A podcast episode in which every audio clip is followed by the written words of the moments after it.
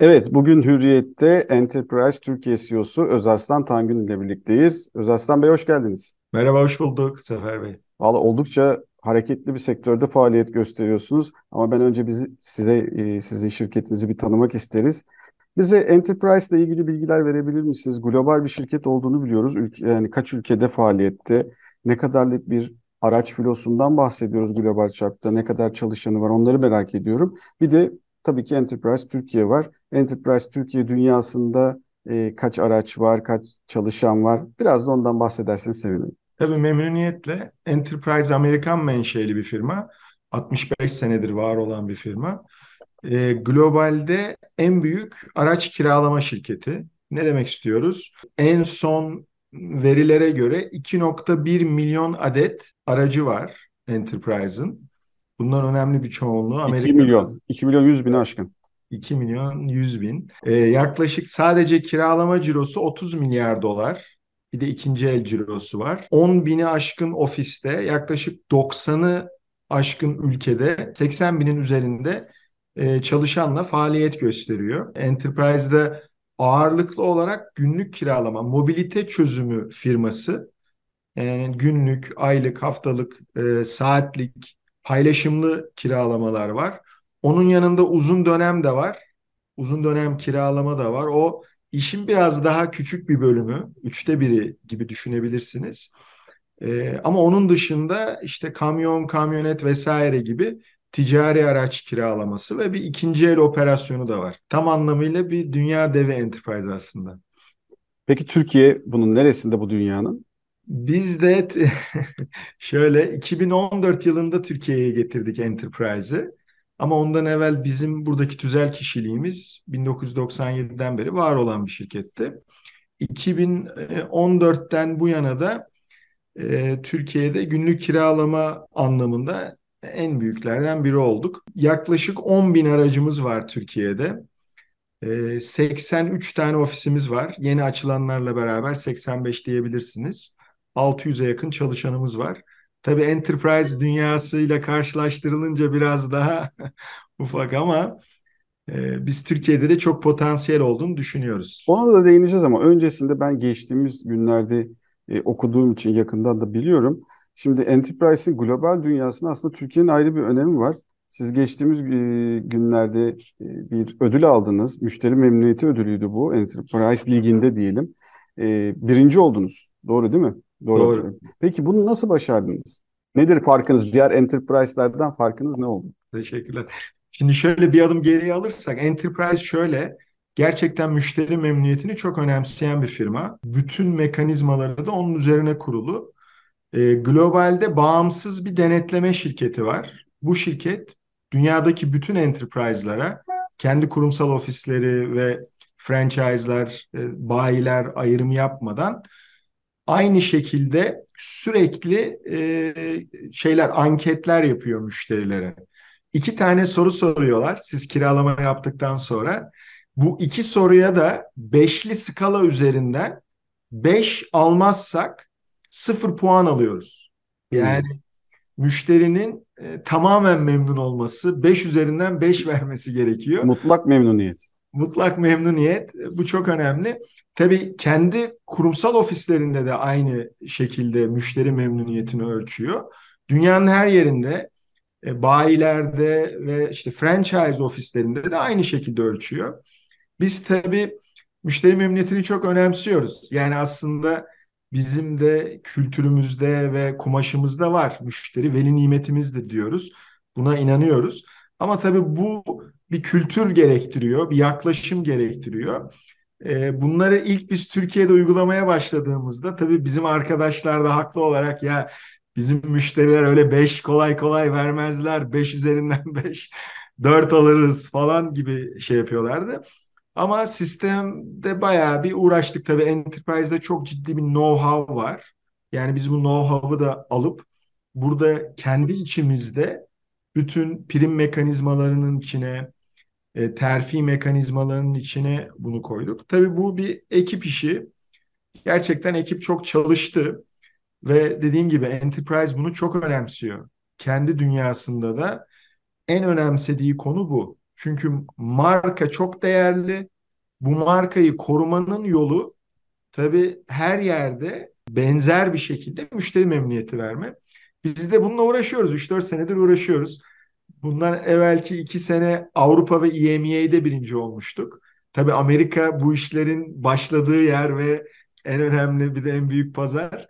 E, Amerika'yı da geçtik geçen sene ve dünya birincisi olduk müşteri memnuniyetinde. Bu tabii bizim için de çok gurur verici bir şey. Ama yani arkadaşlar gerçekten operasyonel mükemmeliyet çok önemli, önden hazırlık çok önemli. Bütün bunları yapmazsanız müşteriye istediği hizmeti veremezsiniz. E, ama e, dünya birincisi olduk. Daha yapacak çok şeyimiz var diye Tebrik ediyoruz. Teşekkür Tebrik ederim. ediyoruz. Şimdi son zamanların en büyük konusu sanki dünyaya bir kıtlık geldi. En fazla kıtlık da araçta yaşanıyor gibi bir durum var. Araç alacağız, araç yok. Araç kiralayacağız, araç yok. Böyle bir araç yok furyası var. Peki bu kadar yokluk içerisinde diyeyim tırnak içinde. Siz bu araç tedariği ile ilgili sıkıntı döneminde ne yaptınız? Nasıl pozisyon aldınız? Nasıl etkilendiniz bundan? Şöyle tabii herkesi etkiledi bu. Bir de dediğiniz gibi özellikle Covid dönemi e, yani başlangıcına geri dönersek hiçbirimizin daha önce tecrübe etmediği, ne olacağını bilmediği bir dönemdi.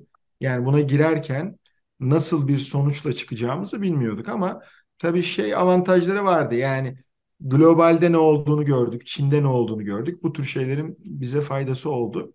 Ama biz hem şirket olarak hem de yani sektörün yaklaşımı olarak düşündüğünüzde çok ciddi müşterilere araç deneyimletme hizmeti de sunuyoruz. Yani siz e, belli araçları aslında almadan gelip bizden kiralayıp deneyebiliyorsunuz. Bu markalar için de çok değerli bir şey. Yani bir test sürüşü yaptırmak çok önemli. Test sürüşü yapmadan araba satışı zaten olmuyor. O anlamda aslında bizim markalarla olan ilişkimiz de hep daha orta ve uzun vadeli yaklaşımla yani bu bizim DNA'mızda da var. Stratejik işbirlikleri kurma üzerineydi.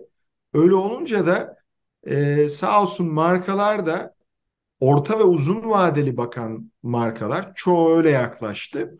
Burada bizimle tedarik ilişkisini çok bozmadılar. Ama gerçekten sizin de dediğiniz gibi birkaç tane şey oldu. Birincisi Covid'in başlangıcıyla beraber çok ciddi bir tedarik zinciri kırılmaları yaşandı. İlk önce talep çok azaldı otomobille ilgili. E bu sefer çip üreticileri o kapasiteyi başka yerlere kaydırdılar. Biliyorsunuz bilgisayara, cep telefonu, elektronik cihazları olan talep çok ciddi bir şekilde arttı. Daha sonrasında otomobile olan talep artınca bu sefer işte çip başta olmak üzere diğer birçok parçada tedarik sıkıntısı, lojistik sistemlerde kırılmalar, tedarikte bozulmalar oluştu. E, bütün bunlarda böyle tam zamanında üretim yapmaya alışmış bir sektörde just in time diyoruz ya. Hiç e, alışıla gelmedik e, sonuçlar yaratmaya başladı. Biz birçok markanın on binlerce arabayı neredeyse tamam şekliyle otoparka koyup ama işte sinyal e, kolu yok işte bilmem basit bir parçası yok şekliyle böyle beklettiğini falan gördük. Hiç görülmemiş şeyler bunlar. Peybe olmayan arabalar satın aldık. yani Doğru. e, hakikaten şey. Tabii şöyle bir durum oluştu. Bu e, hem tedarik zincirindeki kırılmalar hem de e, bazı parçaların bulunamaması üzerine tam normalleşmeye gidiyorduk ki Ukrayna-Rusya savaşı çıktı. O da çok ciddi problemler yarattı. Birçoğumuz mesela kablo fabrikalarının Avrupa'ya tedarik eden kablo fabrikalarının çok büyük bölümünün Ukrayna olduğunu bilmiyorduk. Bu vesileyle öğrenmiş olduk. Ama bu stratejik işbirlikleri sayesinde sağ olsun markalar da bizi desteklediler. Normalin üzerinde biz müşterilerimizi de mağdur etmeyecek bir şekilde tedarik sağlayabildik. Ama tabii ki geçmiş dönemlerle karşılaştırdığınızda e, ciddi kısıtlar oldu. Şu anda da hala devam ediyor. Tamamen çözülmüş değil Hı hı. ve normalize olması da biraz daha zaman alacak gibi görünüyor. Az da olsa 2022'nin nasıl olduğunu aslında daha bir sürü sıkıntı yaşadınız da o yüzden diyorum söyledikleriniz buzdağının görünen yüzü. E, peki bundan sonraki dönemde ne bekliyorsunuz? Hem yılın kalanında hem 2023 için beklentileriniz neler? Şimdi şöyle tabii özellikle bizim mobilite çözümü e, şirketi olarak birkaç parçası var bu işin ama biz e, özellikle yurt dışından gelen turistler açısından da önemli bir görev ifade ediyoruz. Yani bizim ciromuzun yaklaşık üçte biri yurt dışından gelen misafirlere hizmet etmekten geliyor. Tabii Enterprise 95 ülkede operasyonu var. Onun sistemi üzerinden bize geliyor. Biz Enterprise ile yurt dışında bir sürü işbirliği yapıp açıkçası Türkiye'ye daha fazla turist getirmek, daha fazla misafir getirmek için de bir sürü gayretlerde bulunuyoruz. Bu önemli bir faktör bizim açımızdan. Yani turizm çok önemli bir faktör. Türkiye için çok önemli. Ama biz de orada önemli bir rol e, görüyoruz. O anlamda 2022 tabii kuvvetli bir yıl oldu. Bir de şöyle şeyler yaşadık. Yani tabii global marka olmak ve o markayı doğru temsil etmek önemli. E, misafirlerimiz geçmişte belki e, hijyene, işte arabanın kalitesine daha az önem veriyorlardı. Yani hı hı. 10 lira 20 lira ucuz olsun ama işte çok da önemli değil gibi bir problem e, yaşamazsa e, yani çok önemsemiyordu. Şimdi hani doğruya doğru. Biz tabii senelerdir anlatıyorduk. Diyorduk ki ya işte global markaların, enterprise gibi markanın müşteri memnuniyeti çok önemli. Standartları çok yüksek. Biz bu arabaları yıkadığımız zaman işte yüz küsür noktasına bakıyoruz. Bunları denetliyoruz. Bir parmak izi olsa aynada bundan puan kırıyoruz falan. Ee, gerçekten özenli bir şekilde özellikle hijyen, araçların kalitesi, yeni olması bunlar çok önemliydi. Tabii Covid dönemiyle beraber bu söylediklerimiz daha değerli hale geldi. Çünkü haklı olarak misafirlerimiz e, bir e, toplu taşıma ve şehir içindeki taşımada mümkün olduğu kadar daha izole bir şekilde yapmayı istediler. Bu bizim hizmetlerimize olan talebi arttırdı. Ama iki, gerçekten hijyen, bu işi doğru yapan firmalara ciddi bir talep kayışı oldu. Biz çok ciddi pazar payı aldık Covid döneminden sonra. Bunun e, en önemli sebeplerinden biri de bu bahsettiğimiz şeyler. Bunlar tabii devam ediyor, et, edecek de. Mobilite çözümlerinin müşterilerinin cüzdanındaki payı yükseldi. Mastercard'ın çalışmaları var, globalde çalışmaları var.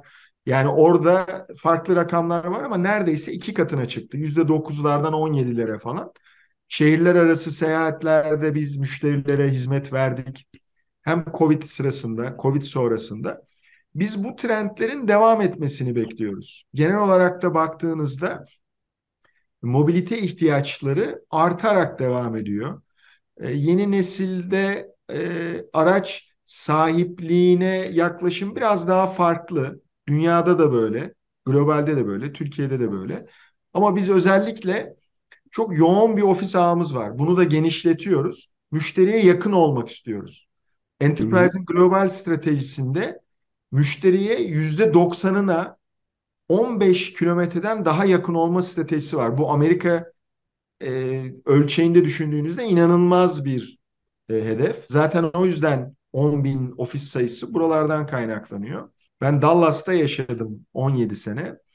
Orada e, bir sonraki rakibin 10 tane e, of, ofisi vardı. 3 3 numara olanın 5 tane ofisi vardı. Yani Dallas hmm. Metroplex dediğimiz Dallas civarında Enterprise'in 220 tane ofisi vardı.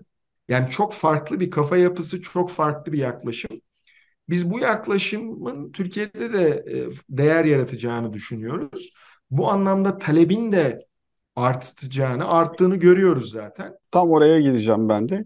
Ya bu talep artışına paralel yeni araç yatırımınız olacak mı? Burada da çevreci araçlar az önce söylediğiniz tabii ki hijyen çok önemli ama dünyayı da düşünerek bu çevreci araçlar konusunda da bir hassasiyet var. Onların ağırlıklı olduğu bir portföy mü oluşacak? Kesinlikle öyle. Yani çok önemli bu konu tabii. Şöyle söyleyeyim şu anda bizim filomuzun yaklaşık yüzde 45'i hibrit ve elektrikli araçlardan oluşuyor. Biz ona biraz da erken başladık. Yani 2018 yılında e, büyük bir şekilde filoda hibrit değişimini yaptık. E, Türkiye'de e, üretilen araçlar var. Toyota özellikle bu konuda e, bayağı hem dünyada hem Türkiye'de ileride bir firma. Onlarla büyük stratejik işbirlikleri yaptık. Bu bahsettiğiniz işte tedarik vesaire konularında da stratejik işbirliklerinin artısı bizim bu konularda e, markalarla olan yaklaşımımızdan da kaynaklanıyor. Biz çok önemli olduğunu düşünüyoruz. Yani elektrikli araç kesinlikle e, içten yanmalı araçlar zaten sizin de çok iyi bildiğiniz gibi bir süre sonra artık üretilmeyecek. Zaten bu işler şöyle tahminler var. E, belli deadline'lara, belli zaman e, belli dönemlere yaklaştıkça e, örneğin dizel araba üretmek artık feasible olmayacak. Çünkü birçok yerde e, yani örneğin Toyota dizel araba üretmeyi bıraktı. Diğer markalarda da, da böyle yaklaşımlar var. E bir süre sonra zaten ölçek ortadan kayboluyor. Diğer taraftaki ölçek artınca e, bu sefer oralarda hızlanmalar da beklenenden daha çabuk oluyor. Biz tüm dünyada da tabii Enterprise dünyada en çok araba satın alan firma bu arada. E, bunları çok yakından takip ediyor. Biz de yurt dışı ile çok yakın ilişkilerimiz var o anlamda. E, bu elektrikliye dönüşün hızlanarak e, devam edeceğini düşünüyoruz. Ülkemizde de bunun böyle olacağını düşünüyoruz. Beklentilerin üzerinde bir e, hızla. Biz bunu çok önemsiyoruz. Özellikle hibrit araçla başladık. Hibrit araçları özel müşterilerin dene, deneyimlemesi, anlaması konusunda biz de elimizden geldiğince hem sektöre hem tedarikçilere destek olmaya çalışıyoruz. E, şimdi aynı şeyi elektrikli arabalarla ilgili yapıyoruz. Elektrikli arabalarda çünkü ister istemez haklı olarak müşterilerde, misafirlerimizde bir e, mesafe e, kaygısı oluyor. Kaygısı oluyor. Şarjla ilgili kaygılar oluyor. Bunları doğru bir şekilde e, müşterilere anlatmak gerekiyor.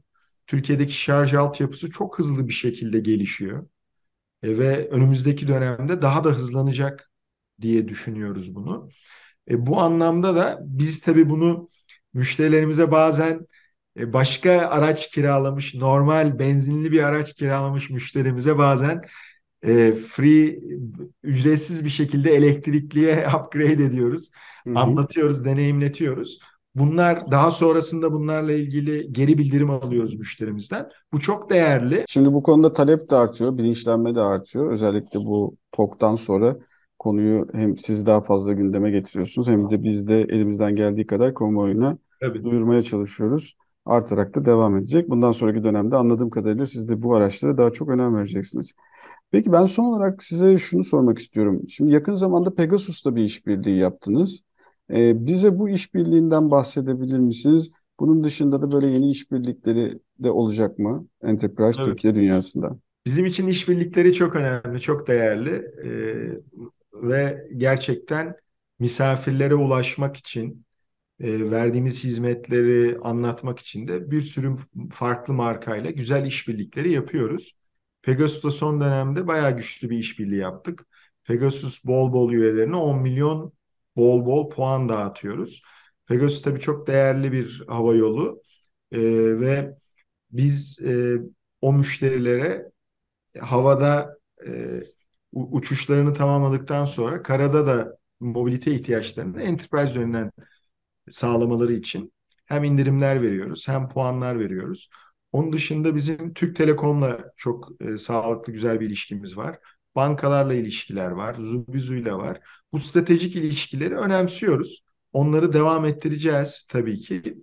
Yani biz şöyle diye düşünüyoruz. Ekosistem yönetmek, ekosistem yaratmak kolay bir şey değil. Ama bunun olduğu zaman ekosistemin bütün paydaşları bundan faydalanıyorlar. Mobilite de, de ekosistem yaratma üzerine çözümler oluşturmak lazım. Bunu hem üreticiler bu şekilde bakıyor. E, bizim gibi e, hizmet sağlayan, mobilite çözümü sağlayan, biz müşterinin ayağına aracı götürüyoruz. Nereye istiyorsa evine, adresine, daha sonra gidip alıyoruz. Bunlar müşterinin hayatını kolaylaştırıyor ve birçok mobilite ihtiyacını da daha rahat çözmesine sağlıyor. Ee, ekosistem gibi baktığınız zaman orada ya bize de görevler düşüyor. Bu bahsettiğiniz yeşil dönüşüm gerçekten çok önemli. Ve şu anda bu işin başındayız. Ama e, biz bunları destekledikçe zaten üreticiler de markalar da bunu çok önemsiyorlar. o zaman ortaya daha güçlü sonuçlar çıkıyor. Biz o kafa yapısıyla, o yaklaşımla e, bunları yapmaya devam edeceğiz. Tabii global bir firmanın parçası olmanın da şöyle avantajları var.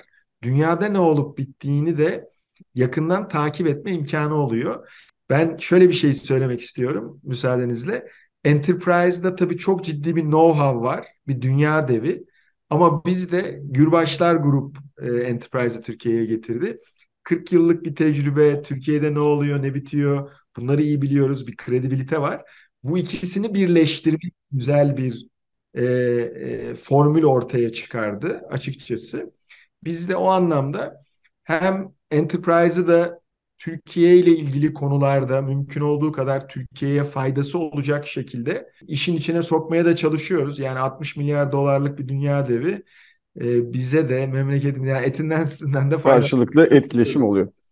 Peki evet. Özaslan Bey çok teşekkür ediyoruz verdiğiniz bilgiler için. Bugün Hürriyet'te konuğumuz Enterprise Türkiye CEO'su Özaslan Tangün'dü. Bizi dinlediğiniz ve izlediğiniz için teşekkür ederiz. Ben teşekkür ederim.